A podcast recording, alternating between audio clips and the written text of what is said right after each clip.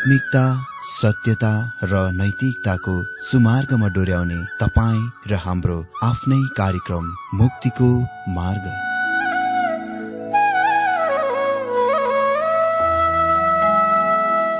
आदरणीय श्रोता यस मुक्तिको मार्ग कार्यक्रममा हार्दिक स्वागत छ। आशा छ यस आत्मिक कार्यक्रमद्वारा जीवनमा आत्मिक आशिष अलौकिक शान्ति र आनन्द प्राप्त गर्नुहुनेछ। र जीवनमा धन्य अनुभव गर्नुहुनेछ। आउनुहोस् श्रोता मन र आत्माको तयारीको लागि यो मिठो अनि मधुर भजन गीत सुनौ।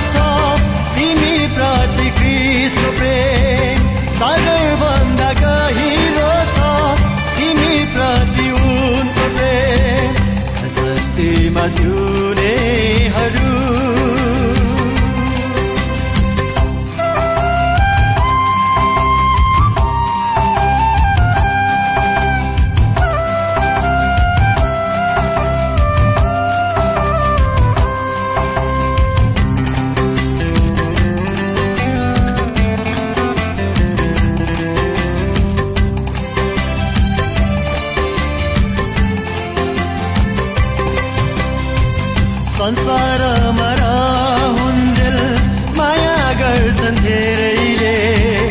एक दिन मरेपछि माया गर्छन् कसले।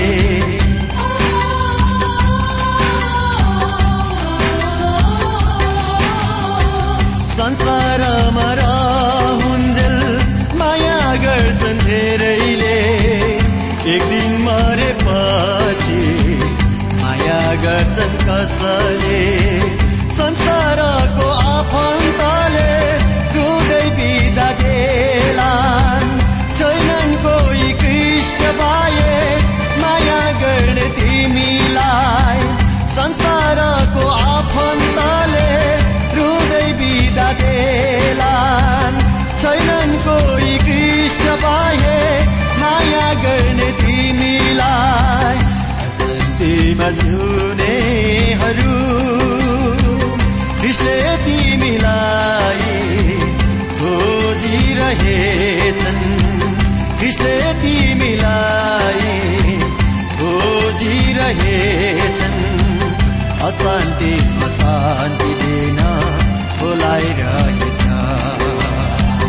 अशान्तिमा शान्ति दिन बोलाइरहेछ। प्रिय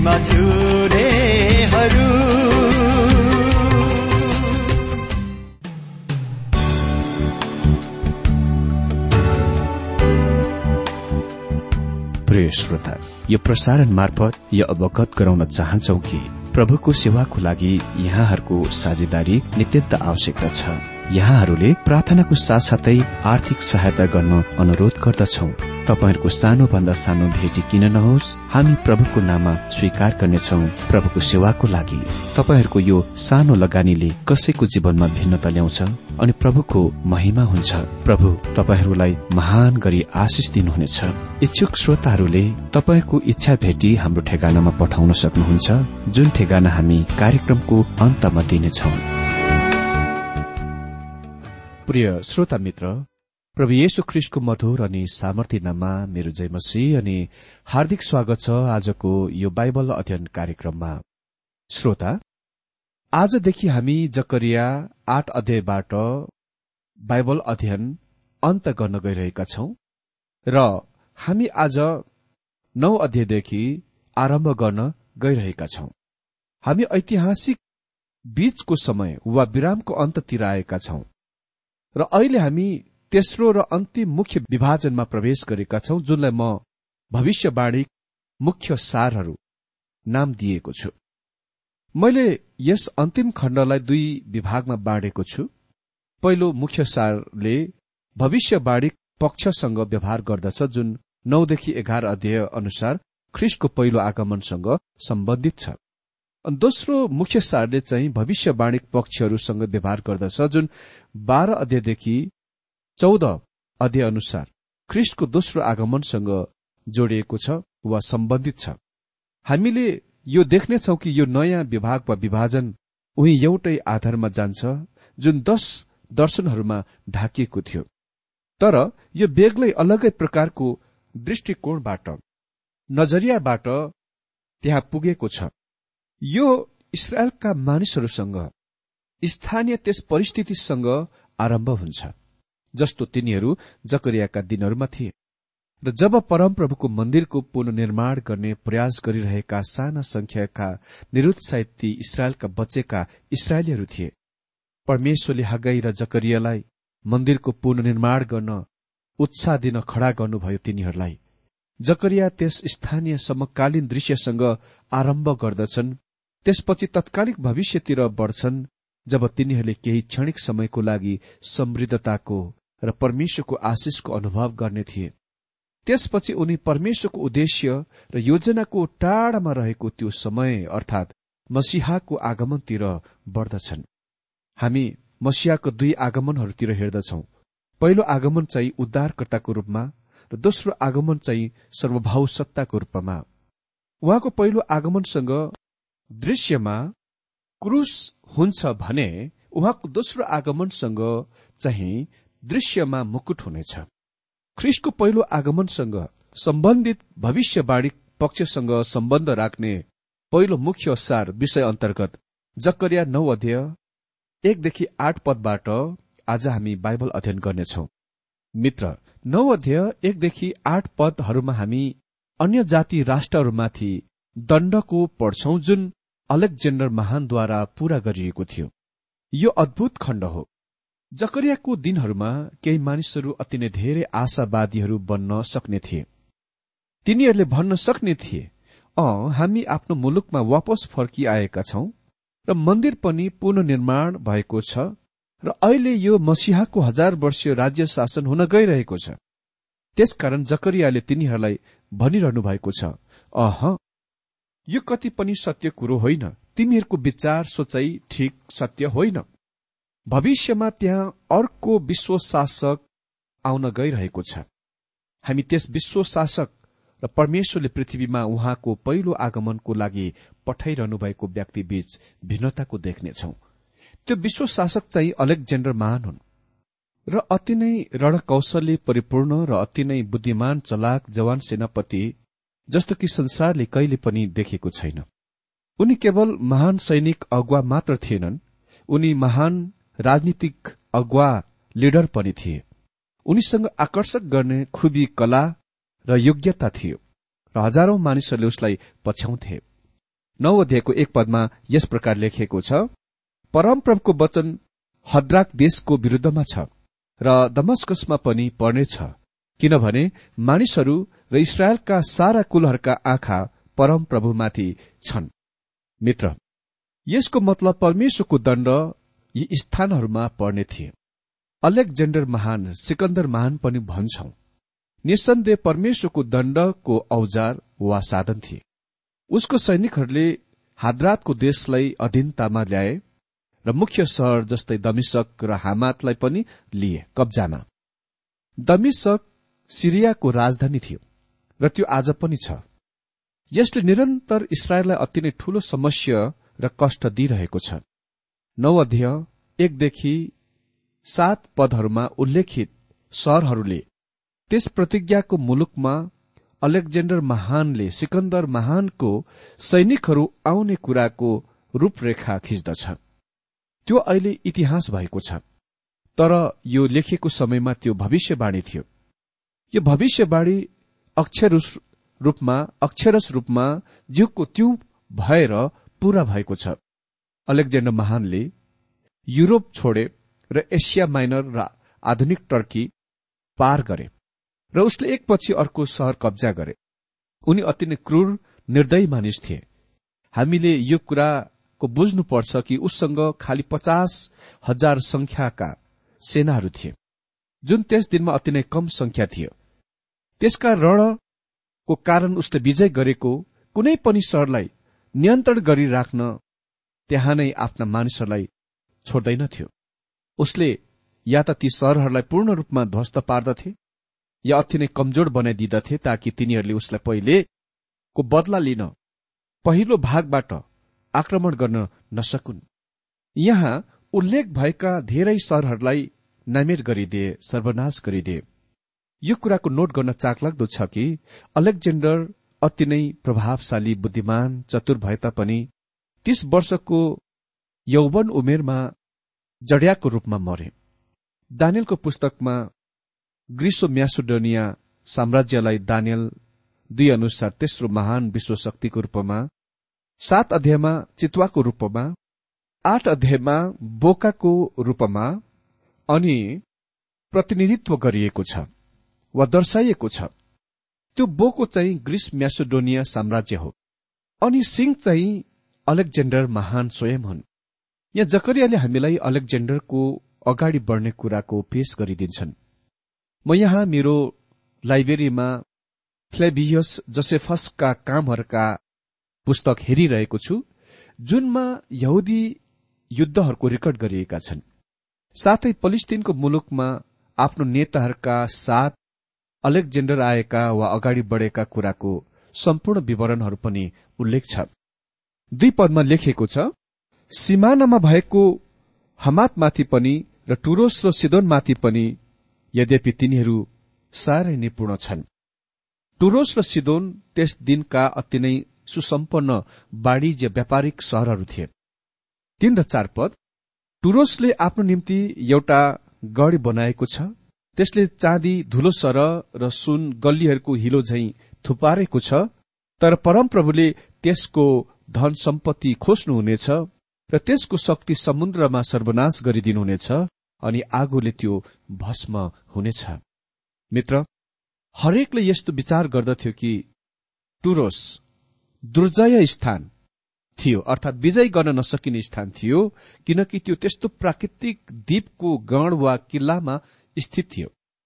त्यहाँका बासिन्दाहरू चाहिँ फोनिसियनहरू थिए जो समुद्रका तटमा रहने सामुद्रिक व्यापारिक मानिसहरू थिए। तिनीहरूले महान वाणिज्य व्यापार राष्ट्रको विकास गरे र अति नै धेरै धन सम्पत्ति थुपारेका थिए। अलेक्जेन्डरले त्यस स्थानलाई सात महिनासम्म घेराबन्दी गरिराखे र अन्तिममा पुरानो सहरका विध्वंसहरू र कंकडहरूलाई सोरेर र समुद्रमा हाल्दै तिनीहरूका सहर रहेको द्वीपको सहरसम्म जाने सानो अस्थायी बाटो बनाए। र त्यस सहरलाई पनि विजय गर्यो। आज पनि हामी यो सबैको देख्न सक्छौ। र मैले त्यसको फोटाहरू देखेको छु जुनले प्रकट गर्दछ कि कसरी भविष्यवाणी अक्षरस रूपमा जिउको त्यौं भएर पूरा भएको छ। टुरोसलाई लिइसकेपछि अलेक्जेन्डर पलिस्तिन देशतिर फर्किआए पाँच पदमा लेखिएको छ अस्कलोनले त्यो देख्नेछ र डराउनेछ गाजा पीड़ाले छटपटाउनेछ एक्रोन पनि पीड़ामा पर्नेछ किनकि त्यसको आशा सेलाएर जानेछ गाजाबाट राजा नष्ट हुनेछ र अस्कलोनमा फेरि केही बास गर्ने छैन। मित्र यहाँ हामी देख्छौ कि अहिले यस पदमा उल्लेखित सहरहरू आज इसरायल राष्ट्रमा गाभिएका छन्। अस्तोतमा तिनीहरूले कृत्रिम बन्दरगाह बनाएका छन् र त्यहाँ तिनीहरूले अति नै ठूलो बिल्डिङहरू बनाएका छन्। त्यो मुलुकको अझ तल उधोतिर जानुभए तपाईँ अस्कलोन भन्ने ठाउँ भेटाउनुहुन्छ। त्यो आज सफल समृद्धि सहर हो। तर त्यो उही एउटै स्थानमा छैन जुन पुरानो अस्कलोन सहर खड़ा भएको थियो। पहिलो अघिको अस्कलोन चाहिँ ठिक समुद्र तटमा थियो र आज पनि विध्वंसहरू त्यहाँ छन्।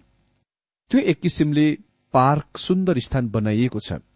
तर त्यहाँ बसोबास राखिएको छैन। त्यहाँ मानिसहरूलाई बसाइएको छैन। त्यो कति पनि सहर छैन। यो कुरा देख्न अति नै चाखलाग्दो छ कि कसरी परमेश्वरको वचन जिउको त्यो भएर पूरा भयो। अलेक्जेन्डर महानले यी सहरहरूलाई ध्वस्त गर्यो र पलिस्तिनहरूका शक्तिहरूलाई तोडिदियो टुटाइदियो। छ पदमा लेखिएको छ अस्दोतलाई विदेशीहरूले अधिकार गर्नेछन् र पलिस्तीहरूको अहंकार म नष्ट गरिदिनेछु। यसले यो भन्दैन कि अस्दोतका बसोबास हुने छैन। अह यसले खालि यो मात्र भन्छ त्यहाँ त्यति उच्च वर्गका मानिसहरू रहने छैनन्। आज अस्दोदमा बसोबास गरिएको छ। म पलिस्तिनहरूका अहंकारलाई नष्ट गरिदिनेछु। अलेक्जेन्डर महानले पलिस्तिन मुलुकलाई सर्वनाश गर्यो। तिनीहरू फेरि कहिले पनि राष्ट्रको रूपमा देखा परेन। सात पदमा लेखिएको छ म तिनीहरूका मुखबाट रगत र तिनीहरूका दाँतबाट घिनलाग्दा कुराहरू निकालिदिनेछु। बाँकी रहेकाहरू परमेश्वरका हुनेछन् र यहुदामा ती कुलपति जस्तै हुनेछन् अनि एक्रोन चाहिँ यबुसी जस्तै हुनेछ। म तिनीहरूका मुखबाट रगत र तिनीहरूका दाँतबाट घिनलाग्दो कुरा निकालिदिनेछु। यसले चाहिँ प्रदूषित आहार र प्रतिमा पूजा बलिदानको संकेत गर्दछ जुनमा तिनीहरू अभ्यस्त थिए। परमेश्वरले पलिस्तिनको प्रतिमा पूजाको हटाउनुहुनेछ। तर जब ख्रिष्ट वापस फर्किआउनुहुनेछ तिनीहरू इसरायलको परमेश्वरतिर मन परिवर्तनको साथ आउनेछन्। उनी हाम्रा परमेश्वरको लागि हुनेछन् जक्रिय भन्छन्।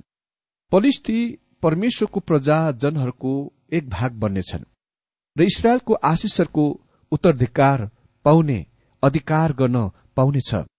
यो अलेक्जेन्डर महान उसको सामने आएका वा आइपर्ने हरेक कुराको ध्वस्त गर्दथे।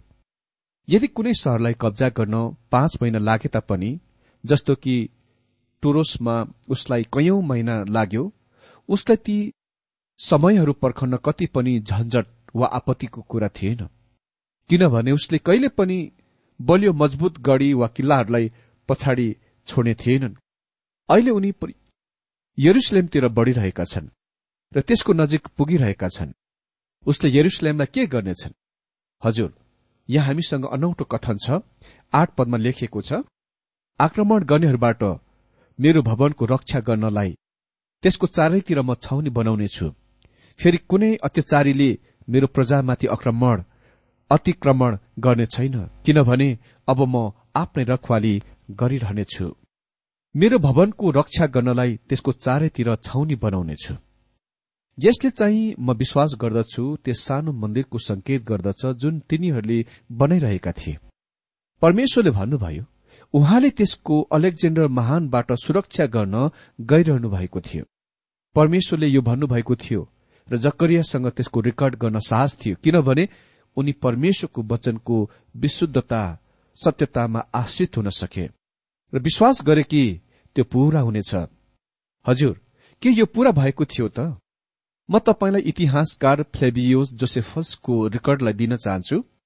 उसकै भनाइ अनुसार यरुसलेममा प्रधान पुजारीले एक दर्शन पाए जुनमा उसलाई बाहिर गएर आइरहेको विजयकर्तालाई भेट्न निर्देश दिइयो र उसले अलेक्जेन्डर महानको आगमनको लागि प्रतीक्षा गरे।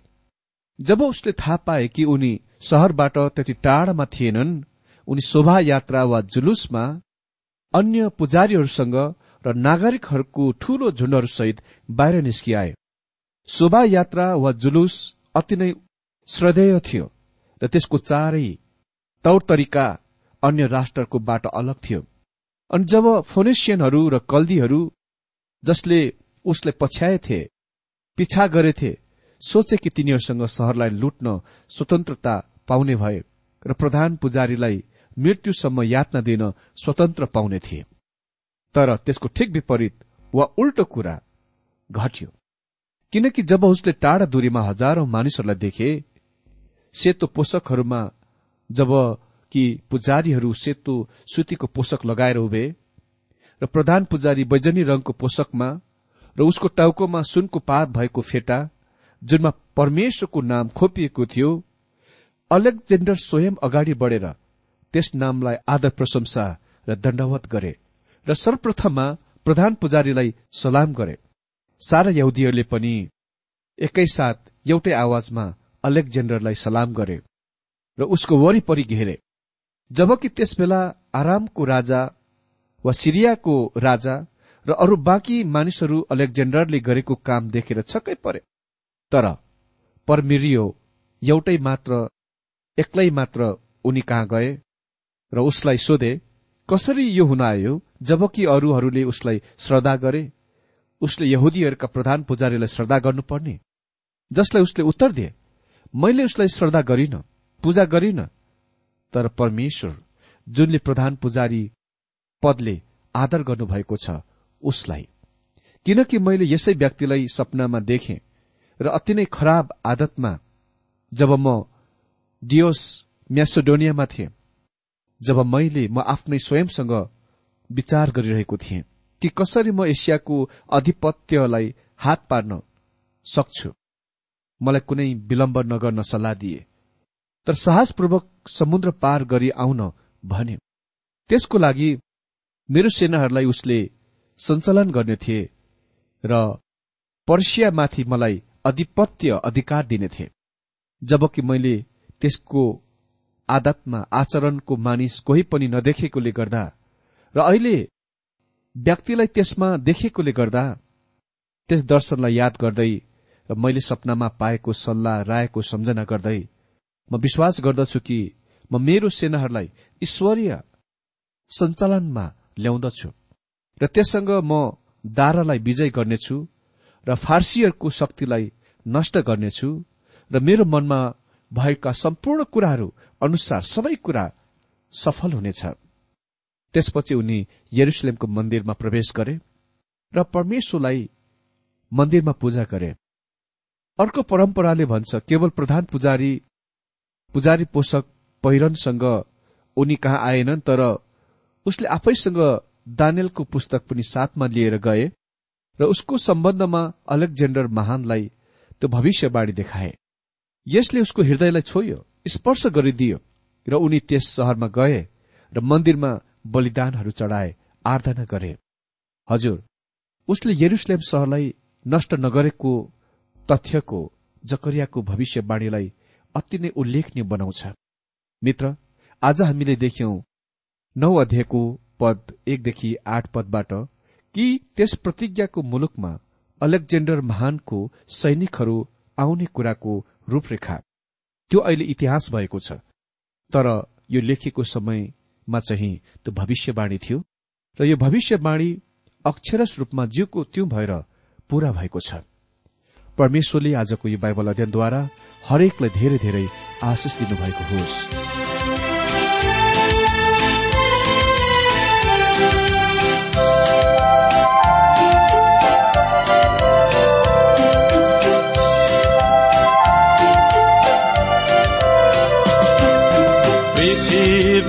माथि माथि कस्तो जगत छ? कल्पना गर्न सक्छौ तिमी के? एकपल्ट प्रभुको छको मात्र ल्याउ थाहा पाउने छौ। स्वर्ग त्यस्तै छ स्वर्ग त्यस्तै छ।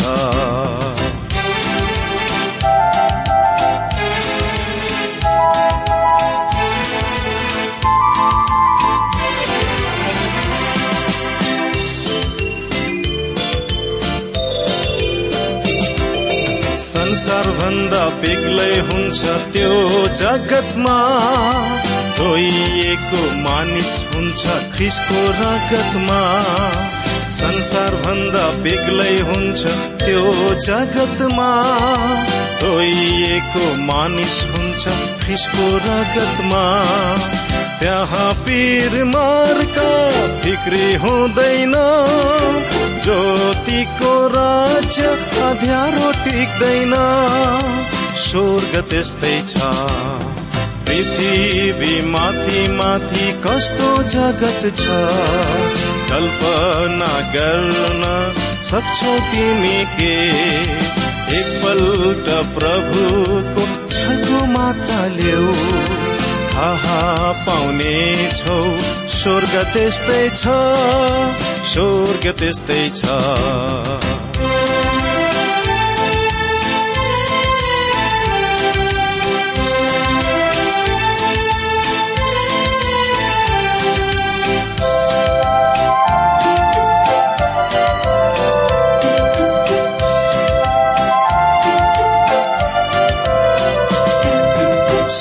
जान तिमीले मृत्यु नपर्ख। दुखी संसार पनि स्वर्ग बन्न सक्छ। स्वर्ग जान तिमीले मृत्यु नपर्ख। दुखी संसार पनि स्वर्ग बन्न सक्छ। छोटो छ यो जीवन मजबन भुल। स्वर्गको राज्य रुसलाई अङ्गना। स्वर्ग त्यस्तै छ। पृथ्वी माथि माथि कस्तो जगत छ? कल्पना गर्न सक्छौ तिमी के? एकपल्ट प्रभुको छलको माथा लियो थाहा पाउने छौ स्वर्ग त्यस्तै छ। स्वर्ग त्यस्तै छ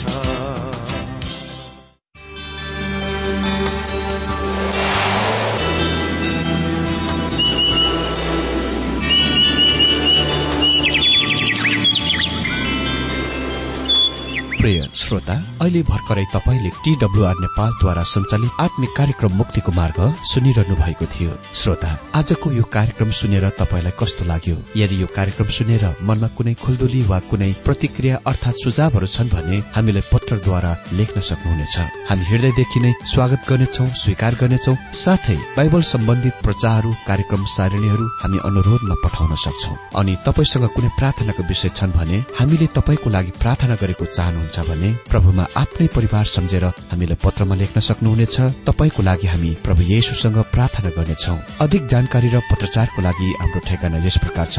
कार्यक्रम मुक्तिको मार्ग जीपीओ नम्बर उनानब्बे पचहत्तर एपीसी पच्चिस एकसठी काठमाडौँ। ठेगाना एकपल्ट सुन्नुहोला। कार्यक्रम मुक्तिको मार्ग जीपीओ नम्बर उनानब्बे पचहत्तर एपीसी पच्चिस एकसठी काठमाडौँ। हाम्रो इमेल एड्रेस हो TWR Nepal at Yahoo dot com. साथै यस नम्बरमा एसएमएस गर्न सक्नुहुनेछ। अन्ठानब्बे चार सत्तरी पैतिस छ सय उनासी। नौ आठ चार सात जिरो तीन पाँच छ सात नौ। हुन्छ श्रोता आजलाई हामी विदा चाहन्छौ। अर्को कार्यक्रममा हामी पुनः भेट्नेछौ तबसम्मलाई नमस्कार।